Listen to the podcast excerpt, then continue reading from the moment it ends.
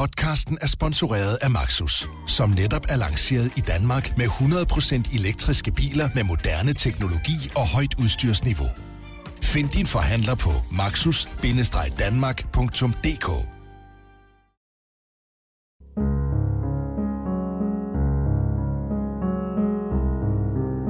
Den 10. juli kl. 03.53 2016 ankommer 17-årige Emilie Meng sammen med to veninder og en ven til Korsør station. De har været i byen i Slagelse. Vennerne vil gerne hurtigt hjem og præger derfor en taxa. Emilie har lyst til at være alene og vælger i stedet at gå de små 4 km til hjemmet i Korsør. Men Emilie når aldrig hjem. Korsør station bliver det sidste sted, Emilie Meng ses i live. Sagen får efterfølgende landsdækkende opmærksomhed og udvikler sig løbende til en af nyere tids mest omdiskuterede drabsefterforskninger i Danmark. Med podcasten Nogen ved noget, Emilie Meng-mysteriet, afdækker BT alle aspekter af sagen, der stadig tre år efter rejser flere spørgsmål end svar. Mit navn er Bo Nordstrøm Mejle. Og mit navn er Jesper Vestergaard Larsen. Vi er journalister på BT. Over flere afsnit dykker vi ned i sagen, snakker med personer tæt på Emilie Meng, gennemgår retsdokumenter og efterprøver teorier og spor i den omfattende efterforskning.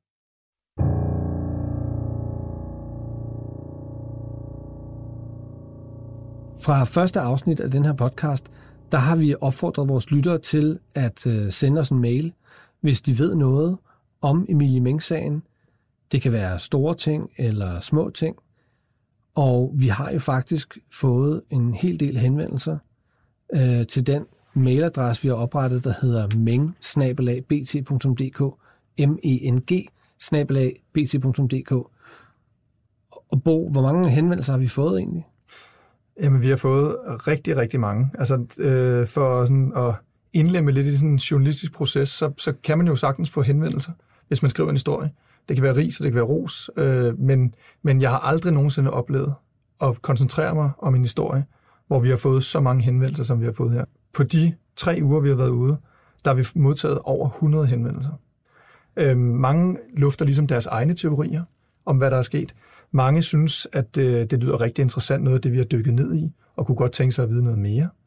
Der er også nogen, der øh, har lavet specifikke kort over området, især Korsør Station, som de har delt med os i fortrolighed. Det er kun noget, de har delt med politiet, men også nu delt med os. Alle tip er jo kærkommende, og vi er glade for, at folk skriver, og alle tip prøver vi ligesom at efterprøve rent journalistisk, så vidt det nu er muligt. Men det er jo langt fra alle tip, der er lige så konkrete og ja, gode at gå til. Men der er jo især et tip, som, som virkelig har fået mig til at spære øjnene op. Ja, der er et konkret tip, som, som virkelig har øh, skilt sig ud fra, fra dem, vi har fået. Og øh, det er søndag den 14. juli, der tækker en mail ind. Og det er lige før vi udgiver andet afsnit. Altså, der er kun et afsnit ude på det tidspunkt. Det er det øh, med Emilies far, hvor han ligesom fortæller om, hvor svært det har været. Så det er altså en, der reagerer på, på afsnit nummer et. Det er en fyr, der skriver på vegne af sin kæreste, og han fortæller, at øh, kæresten den nat, Emilie forsvinder, nogle timer forinden, har været til en studenterfest i Roskilde, hvor fra hun skal hjem øh, mellem kl. 12 og 1 om natten. Hun bliver kørt op til Roskilde station af en venindes onkel. Øh, han sætter hende af på stationen, øh, hvor hun skal have toget mod København. I det øjeblik, onkelen er kørt, der finder hun ud af, at hun har tabt sin telefon i onkelens bil. Hun prøver ligesom at vinke den her bil øh, op, sådan så han kan registrere det i, i øh, bagspejlet. Lige efter onkelen er kørt, der kommer der en bil op på siden af hende. En hvid bil med fire døre og et lille bagagerum. Manden ruller vinduet ned og henvender sig til hende og spørger, om han skal hjælpe hende med noget. Og hun bliver vildt forbavset over, at den her bil lige pludselig står der. Hun bliver vildt forbavset over, at en fremmed mand så direkte henvender sig til hende. Og det ender med, efter at de snakker sammen øh, noget tid, og han ligesom prøver at få overtalt hende til at stige ind i bilen, at hun siger pænt nej tak, og, øh, og løber op på perronen. Vi vil jo gerne høre episoden fra hestens egen mule, så at sige. Så jeg spørger, om hans kæreste kunne være interesseret i at tale med os, og det tror han desværre ikke. Fordi den her episode, altså hun er overbevist om, at hun har stået ansigt til ansigt med Emilies morter. Så hun tænker, det her, det skal jeg ikke involveres i. Hun er stadig bange for at fortælle den historie, som hun øh, rent faktisk ligger inde med. Jeg, så, jeg beder så kæresten om om han ikke har lyst til at spørge hende igen. Om ikke andet, så bare fortælle os historien. Vi kan snakke med hende, hun kan fortælle os, hvad hun har oplevet, og så må vi tage den derfra. Han spørger hende og sender en time senere en mail med hendes telefonnummer og siger, at vi kan ringe til hende i morgen. Jeg har snakket med hende, og hun er klar til at fortælle sin historie. Men hun er på ingen måde tryg ved at stå frem. Hun vil ikke have sit navn frem, og hun er ikke interesseret i at stå frem med sin egen stemme. Fordi hun er overbevist om, at den mand, hun mødte den aften, er Emilies morder, og at den person stadig er på fri fod. Vi refererer til hende som Louise. Det er ikke hendes rigtige navn. Hun hedder noget andet, og vi er bekendt med hendes identitet. Og den stemme, vi hører, som måske godt kan lyde en lille smule mærkelig, det er heller ikke hendes rigtige stemme. Den er blevet forvrænget.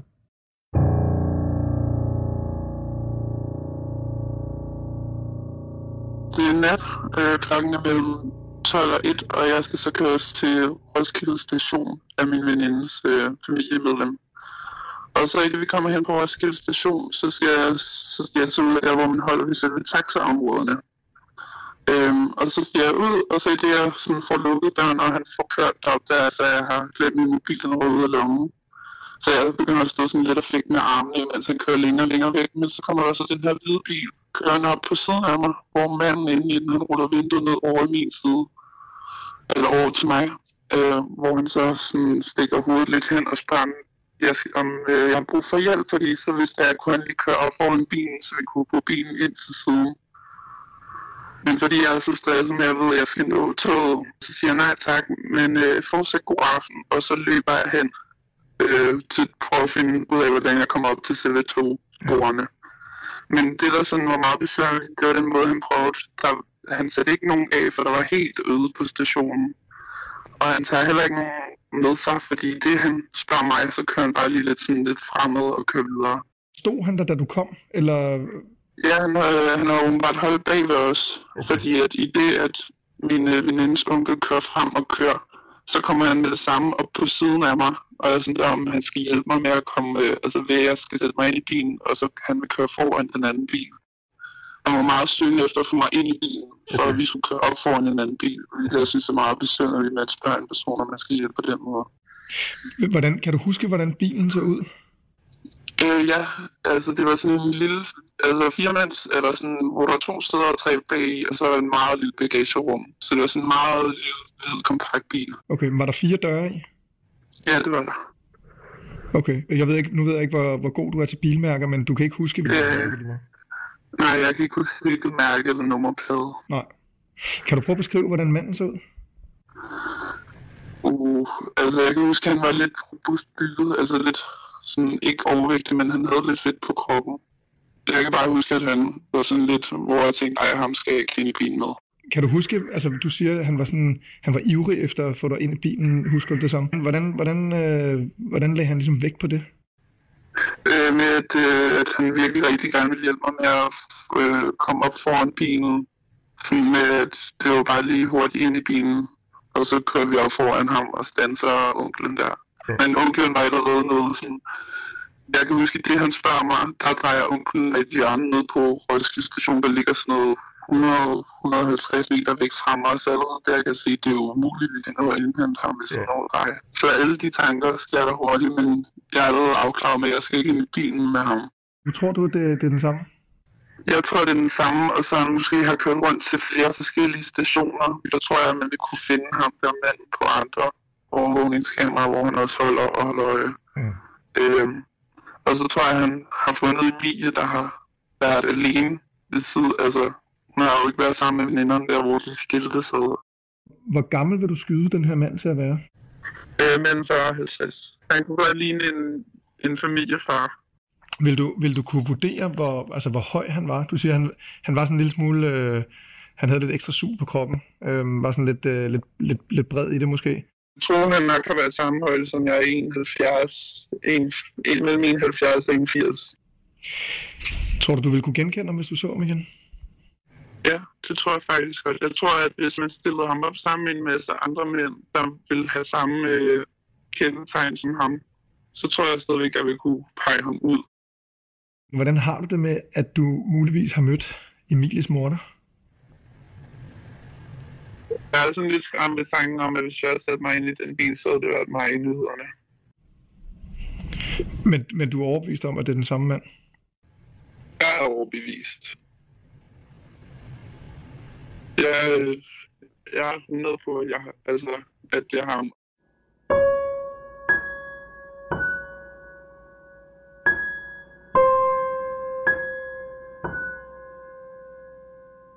Et år efter, når Louise hun ser den her efterlysning af bilen, den, den her 407-bil, altså den hvide Hyundai i30, så kontakter hun politiet med de oplysninger, hun har. Hun har faktisk svært ved at finde ud af, hvordan hun skal, hvilket nummer hun skal ringe på, men finder sådan en, en formular øh, i forbindelse med den her øh, sag.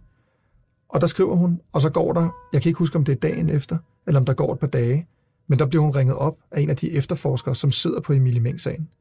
Og Sydsjællands og Lollands Falsets politi har ikke ønsket medvirke i vores podcast, men det navn, hun giver på den efterforsker, er det samme navn, som vi ved sidder på den her sag. Så hun har altså talt med en, en mand, som har siddet på den her sag. Det er helt sikkert.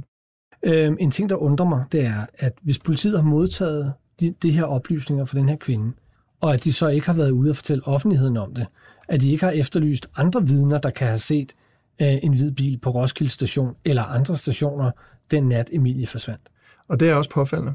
Men det, som hun fortæller, og det, som hun faktisk øh, er ret ked af i dag, og en af grundene til, at hun rent faktisk har henvendt sig til os, det er, at den forklaring, hun gav til den øh, politibetjent, der ringede fra Sydsjælland eller den falske politi, var ekstremt dårlig. Han ringede meget tidligt om morgenen til hende. Hun var nervøs og fik givet en øh, forklaring, som, som der faktisk ikke var hoved og hale i, fortæller hun. Hun øh, kom til at lægge vægt på nogle andre ting i forhold til det, der var sagens kerne. Blandt andet så, da hun går under den her gang øh, til stationen, der møder hun nogle unge fyre, som er fulde, og det kommer hun til at fortælle øh, som et element i hele den her sag. Øhm, hun får ikke ligesom understreget nok, at det er bilen, og det er føreren af bilen, hun finder mistænkelig. Og det, øhm, det er blandt andet noget af det, som hun, hun synes er ærgerligt, og hun hører aldrig fra politiet igen. Altså den her, den her, øhm, den her mail, hun sender, og den her, den her afhøring, hun har over telefonen, den ved hun ikke, hvad fører til. Og vi har jo aldrig nogensinde hørt om en bil, der er blevet efterlyst ved Roskilde Station. Så det kan sagtens være, at politiet har brugt den her oplysning til noget, men bare ikke fortalt offentligheden om det. Det kan også være, at den forklaring, hun har fået, simpelthen var, ja, er så dårlig, at de simpelthen tænker, at der er ikke noget i det. Det kan også være, at de har efterprøvet det og fundet ud af, at der ikke var noget i det. Altså, alle de her scenarier er jo åbne. Vi ved ikke, øh, hvad der er sket. Vi ved bare, vi ved bare at politiet som øh, Louise fortæller os, betragter det som mystisk, at den her bil nu er blevet set et tredje sted, altså og tre timer før Emilie forsvinder den samme aften. Men det, det, som jeg, det som derfor, hvor det her tip bliver ekstremt konkret, og der, hvor jeg synes, det bliver enormt spændende, det er, at den her hvide bil, som politiet, som vi også var inde på i, i det foregående afsnit, som politiet betragter som et af deres allervigtigste vigtigste spor i sagen, det bliver nu lige pludselig kædet til et tredje sted. Altså, der ligger jo en trekant fra Roskilde til Korsør, tilbage til Regnemarksbakke. Den rute er jo fuldt ud plausibel at køre, hvis du skal øh, skille dig af med et lig og tilbage til Roskilde. Mm. Det er der ikke nogen tvivl om. Det andet er, at det signalement, som Louise giver, stemmer godt overens med det signalement, som kvinden, der har henvendt sig øhm, på baggrund af den bil, hun har set ude ved Regnemarks Bakke om morgenen. Det er en lille smule teknisk.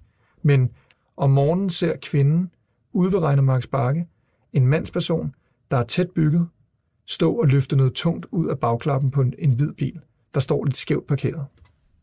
Den kropsbygning stemmer nogenlunde overens med den kropsbygning, som Louise mener at øh, have set øh, chaufføren øh, eller føreren af den her hvide bil have.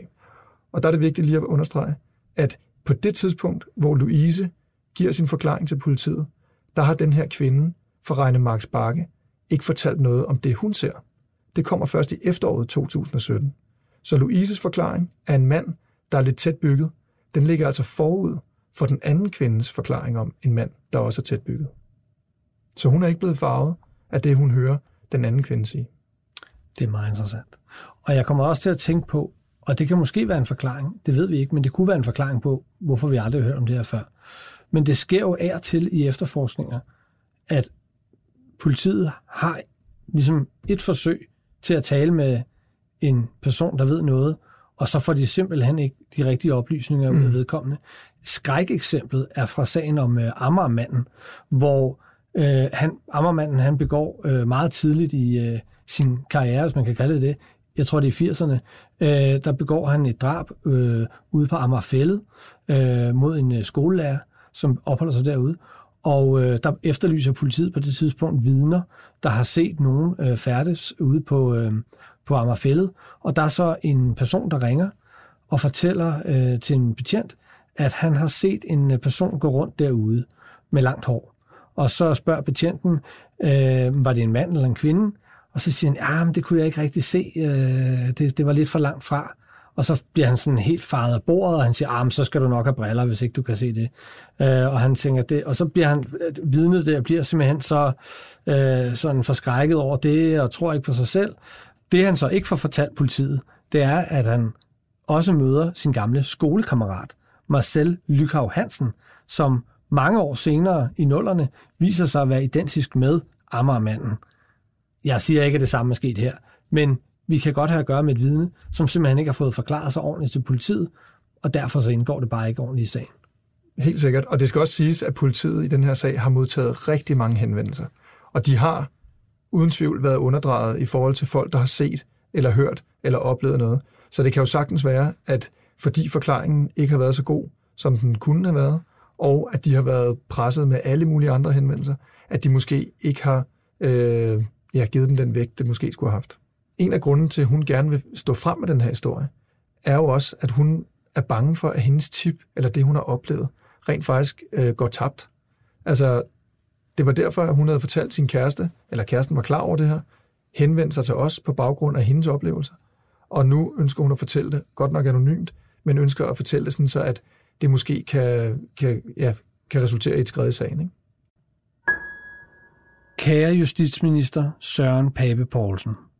Som forældre til dræbte Emilie Meng har vi fulgt den efterforskning, der har pågået ved Sydsjælland og Lolland Falsters politi i forbindelse med forsøget på at opklare drabet på vores datter.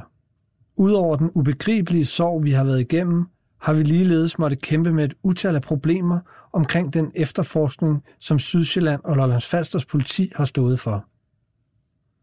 Efter vores opfattelse har efterforskningen været mangelfuld på nogle helt centrale punkter. Sådan indleder Emilies mor et brev til daværende justitsminister Søren Pape Poulsen. Hvor usædvanligt er det, at man får et møde, hvor man sidder face to face med øh, justitsministeren? Jeg tror, det er ganske usædvanligt. Jeg har aldrig hørt om det før.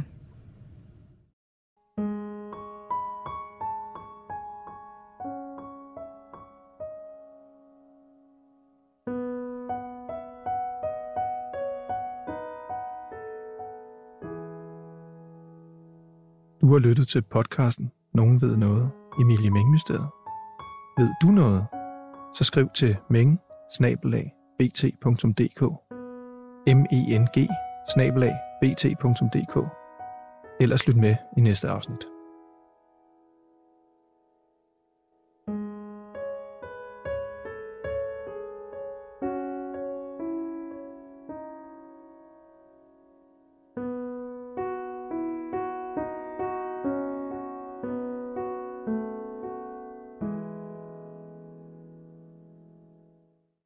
Klippet og produceret af Kasper Risgaard. Musik af Andreas Ravn.